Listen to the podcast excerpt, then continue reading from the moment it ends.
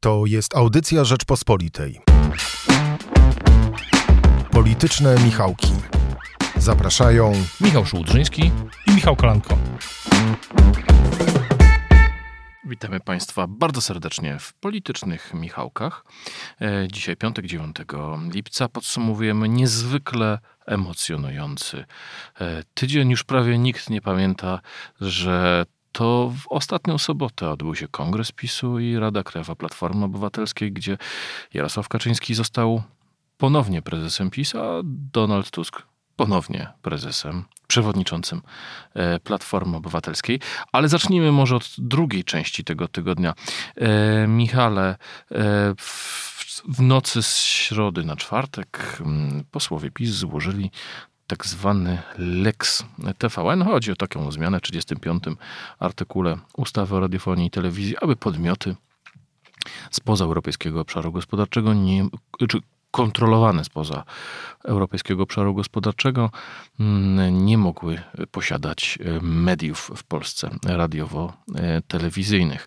E, premier Morawiecki tłumaczył, że to oczywiście chodzi o to, żeby Rosjanie e, czy Chińczycy nie byli w stanie kupić mediów w Polsce, ale tak się składa, że akurat ta ustawa trafia w Amerykanów i TVN, stąd została ona ochrzczona Lex TVN. Czy PiS chce coś osiągnąć na użytek wewnętrzny, czy to jest rozgrywka na użytek zewnętrzny, czy może jedno i drugie? Myślę, że jedno i drugie. Mm, znaczy, to jest jasne, że ta ustawa to jest w ogóle strasznie głupi pomysł, tak? Tutaj chyba się yy, jako dziennikarze, wszyscy, wszyscy dziennikarze w Polsce się z tym zgodzą.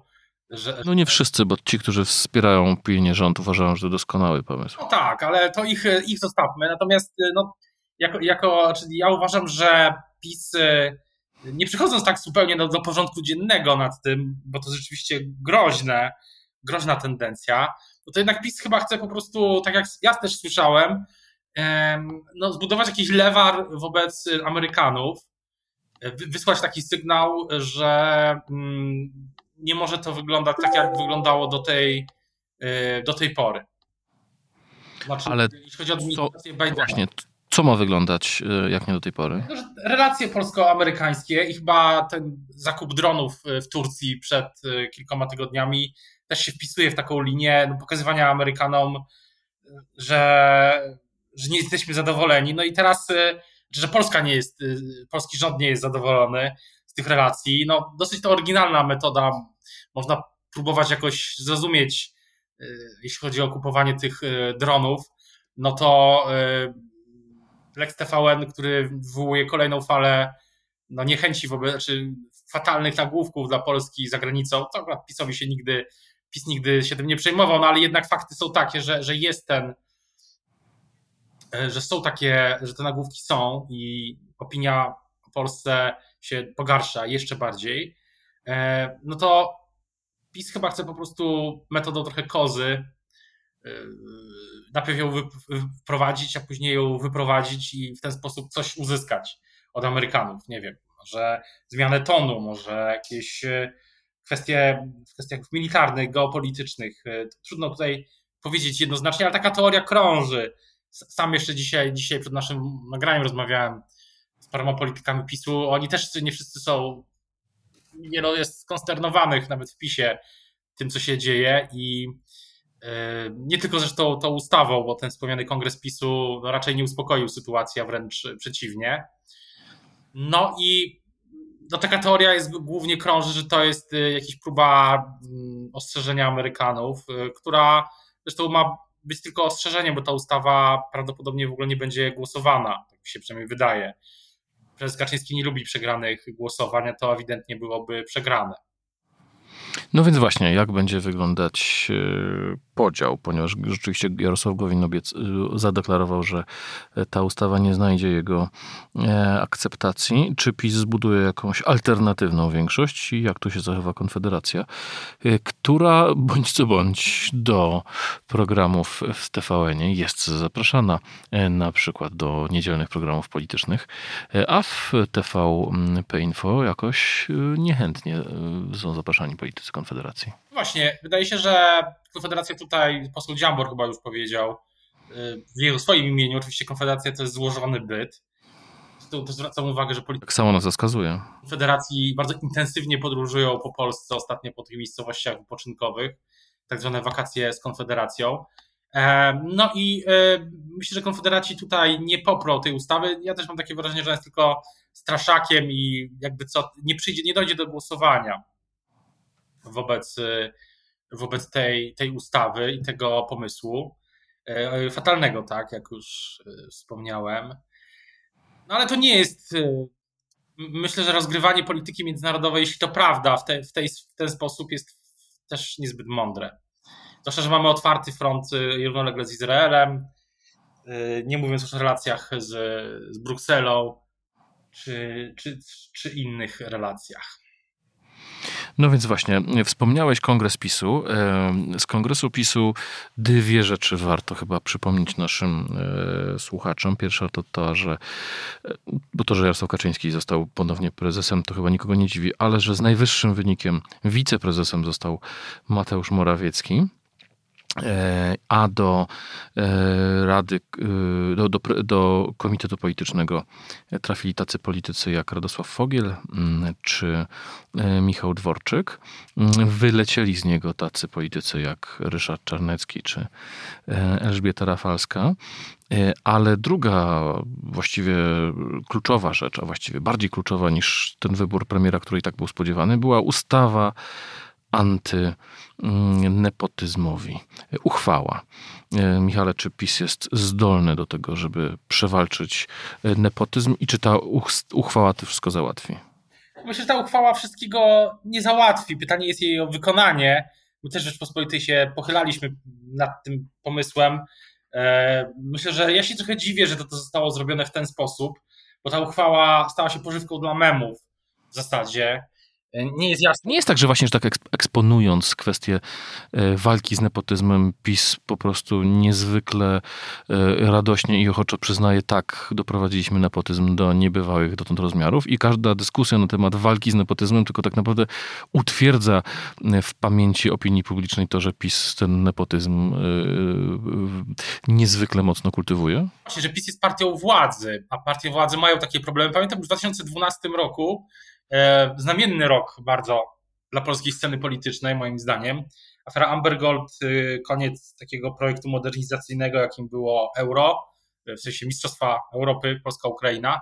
To już zamieszłe czasy, ale ja to pamiętam właśnie, że i wtedy y, chyba Puls Biznesu zrobił taką listę, siatkę, powią siatkę powiązań, czy takich y, właśnie nepotyzmu w PSL-u. I to była zielona jakaś, jakoś też tak się nazywało, zielona sieć. To był 2012 rok i myślę, że to jest e, kwestia czasu, aż, czy to chyba już też sam PSL, co ciekawe, robił takie akcje przy tej kadencji, pokazując ile zarobili mm, politycy PiSu w różnych spółkach, radach i tak dalej. E, ja mam wrażenie, że, że trochę to może być tak, że PiS no, skierował uwagę na siebie, tak? E, to jest trochę dziwne, bo ja i myślę, że wielu polityków PiS spodziewało się, że kongres to będzie takie jak to się mówi po angielsku, mówi się, że turning a page, tak, że strona dalej, będzie jakiś krok do przodu, jakaś nowa idea, nowa, nowy impuls, nowa myśl, coś, coś dalej.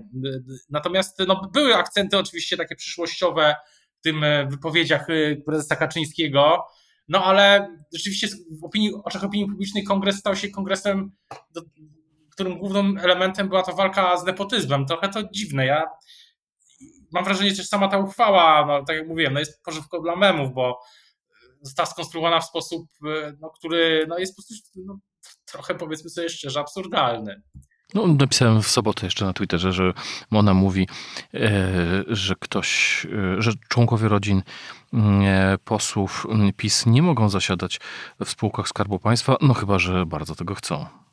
Tak, dokładnie i e, trochę pod znakiem zapytania stoi, stoi w ogóle no, moc prawna takiej uchwały, co zresztą przyglądaliśmy się temu w Rzeczypospolitej. PiS zapowiada co prawda jakąś ustawę, no ale to też jest ciągle to samo, skupianie się uwagi na tym, że, że jest y, problem. I też w ogóle w PiSie zaczyna być, moim zdaniem, ważny tydzień jest też dlatego, że PiS po raz pierwszy tak otwarcie, politycy PiS zaczynają mówić o tym, bo senator Martynowski, który wychodzi... Właśnie i wytykać to między sobą, tak? No bo sen... Nie było. Jak rządzi PiS 6 lat, to dochodzimy do momentu, w którym po raz pierwszy, no może w, w tym roku w ogóle, te, te, te spięcia wychodzą poza kuluary i takie typowe no, cytaty w mediach rozżalonych, wkurzonych, zirytowanych polityków PiS bez off, off the record, no, wychodzą na światło dzienne i to jest coś moim zdaniem nowego i dla prezesa Kaczyńskiego nie, niepokojące to musi być. Ja mam wrażenie w ogóle, że ten kongres pogorszył sprawę zamiast ją polepszyć, co jest paradoksem. No i tu dochodzimy do kolejnej sprawy. PiS wymarzył sobie ten kongres jako takie mm, punkt kulminacyjny sezonu wiosennego. Zamykamy pandemię, otwieramy akcję promocyjną Polskiego Ładu, a tu znowu za sprawą Jarosława Kaczyńskiego, bo to Jarosław Kaczyński, jak już kiedyś rozmawialiśmy, przykrył Polski Ład swoimi e, kolejnymi wywiadami. E, tutaj za sprawą Jarosława Kaczyńskiego dowiedzieliśmy się, że Polski Ład został wyjątkowo bezwstydnie zakłamany przez media i wrogów PiSu, co jak rozumiem, e, co jak rozumiem jest uzasadnieniem do e, ataku na TVN, który został przeprowadzony kilka dni później. Ale e, plany PiSu pokrzyżował też Donald Tusk, który powrócił. Michale, game changer? Zdecydowanie tak. Reguły gry polskiej polityki się zmieniły nie tylko dla Platformy, ale w ogóle. I myślę, że to nie ma wątpliwości, że to jest właśnie taka, takie wydarzenie, które spełnia definicję. Chyba to jest pierwszy taki game changer realny od, od chyba od, od, od wielu, wielu tygodni, no, wielu miesięcy może nawet. E, oczywiście no, game changerem, który zmienił całkowicie wszystko, jest, e, była pandemia, czy jest pandemia koronawirusa, e, nieodwracalnie zmieniając świat, mimo już o tych okropnych, ogromnych stratach, które ponieśliśmy po kraj, czy, czy w ogóle E, natomiast e, no, politycznie to na pewno jest game changer. Zobaczymy też oczywiście, w którą stronę to pójdzie, bo myślę, że Donald Tusk wszedł bardzo ostro w polską politykę. Z bardzo silną, silnym przesłaniem polaryzacyjnym. Chyba z intencją najpierw, żeby odzyskać dominację platformy sondażową, a później, no właśnie, tu jest to pytanie, co dalej? Jaki jest ten szerszy plan? No i sondażowo Platforma idzie w górę, ale też moc wzmacnia się e, Prawo i Sprawiedliwość. E, już słyszę spin Sokolic e, Nowogrodzkiej, że powrót Tuska jest dla, dla PiSu doskonałą wiadomością. Czego się ty spodziewasz? Bo rzeczywiście efekt był wielki. Wystarczyło zorganizować konferencję prasową, odpowiedzieć na pytania dziennikarzy, żeby zrobić kolosalny kontrast z Jarosławem Kaczyńskim, który po zakończeniu swoich wystąpień odwraca się napięcie od dziennikarzy e, i odchodzi, e, dbając o to, żeby się nie potknąć o niezasznurowane buty. Mm, a tymczasem Donald Tusk zrobił spektakl, półtorej godziny odpowiadał na pytania wszystkich łącznie z e, TVP mm, Info. I rzeczywiście ten, ten, to wrażenie na początku było gigantyczne, no ale teraz druga połowa tygodnia to już troszeczkę business as usual. Jak ty myślisz? Ja postawiłem e, dzisiaj taką tezę, że w obozie władzy może wygrać na powrocie Morawieckiego Kaczyńs, e, Tuska Kaczyński, e, ponieważ no, to jednak jest ten konkurent wagi ciężkiej.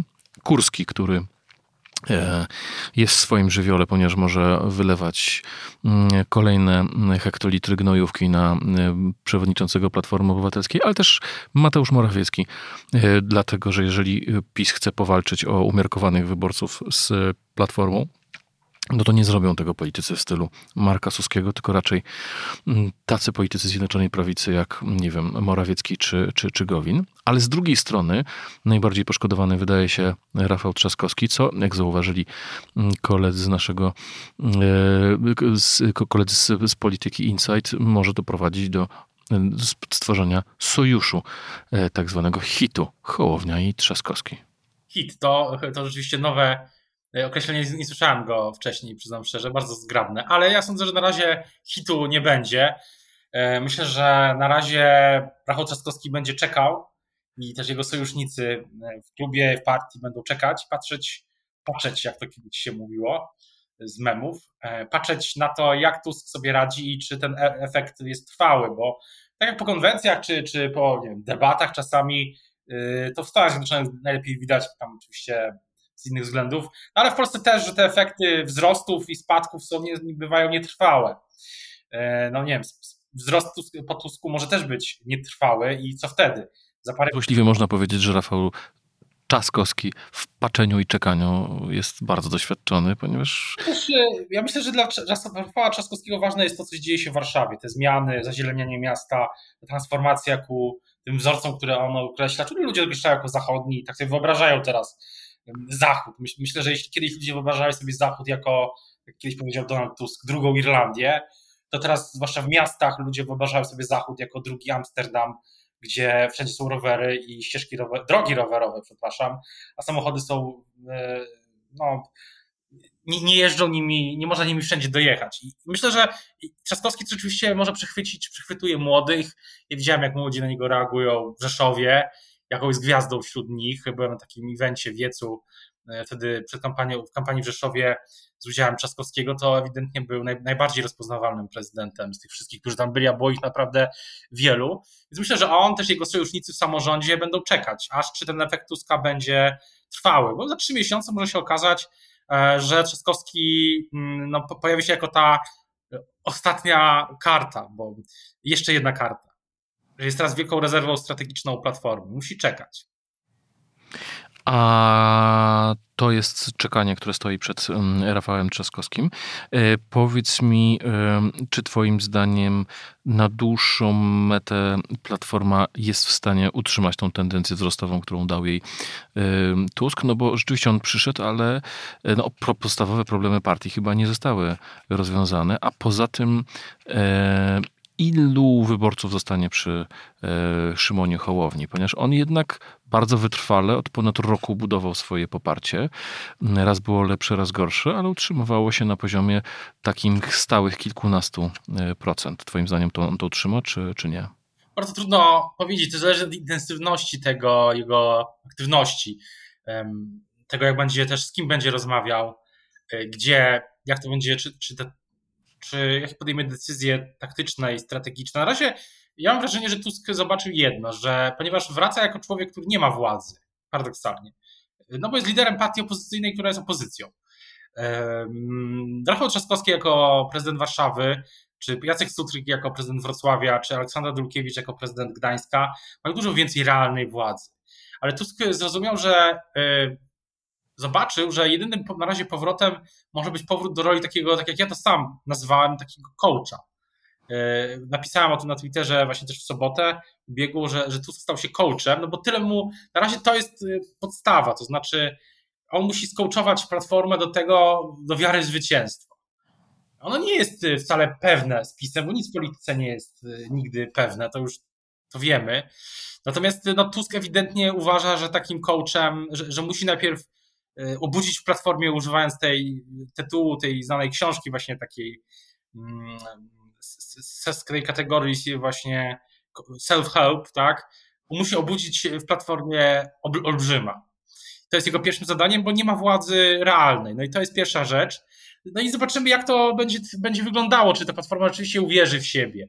Bo jak rozmawiałem z politykami Platformy, po tym zamkniętym klubie Platformy w tym tygodniu z Donaldem Tuskiem, to oni powtarzali właśnie, Tusk mówił, że że musimy wierzyć w zwycięstwo, bo od tego się zaczyna. No okej, okay, ale co dalej? Jakie, pomysły, jaki program? Do kogo się będzie zwracał, tak? No to jest wiele, dużo jest, dużo jest y, pytań, na które nie znamy teraz odpowiedzi. E, I myślę, że to trzeba zobaczyć, jak to się po prostu będzie rozwijało. Mm, od tego zależy, myślę, czy Tusk trzyma ten impet, czy nie. Może być tak, że nie, i wtedy Hołownia może się znowu z, z platformą zrównać. No i wtedy właśnie wracamy do, nie wrócimy do dyskusji, co, co w takiej sytuacji ma zrobić Rafał Trzaskowski. Michał, na sam koniec. E, koniec pewnej epopei. Mm, profesor Wiącek został wybrany jednomyślnie przez Sejm na Rzecznika Praw Obywatelskich. Potwierdzenie tej decyzji przez Senat właściwie wydaje się już w tej chwili formalnością. Szósta próba zakończona sukcesem. Myślę, że to tyle. na tym wygra najbardziej. Myślę, że. Z samym profesorem Wiązkiem. No tak, jest to jedyny wywiad z profesorem Wiązkiem przeprowadziła Rzeczpospolita. Parę tygodni temu każdy może tam zajrzeć. Sam rozmawiałem właśnie z profesorem. przez e, chyba, chyba ponad godzinę. Wywiad jest całkiem obszerny. Na razie chyba, na razie chyba nie udzielił innego, więc e, warto przeczytać. Ja myślę, że najbardziej wygranym to jest PSL, na tym wygranym jest PSL, ponieważ to PSL wymyśliło profesora Wiązka, zrealizowało ten projekt, przekonało opozycję, przekonało też częściowo PiS. PiS oczywiście chciało zwinąć ten front, no bo ciągłe dyskusje o dywagacji o stanowisku RPO na dłuższą metę po prostu no są dla PiSu mało korzystne, zjadają inne tematy z agendy. No i tak się, tak się udało. Najbardziej największe powody do zadowolenia dzisiaj ma bez wątpienia Kosiniak-Kamysz.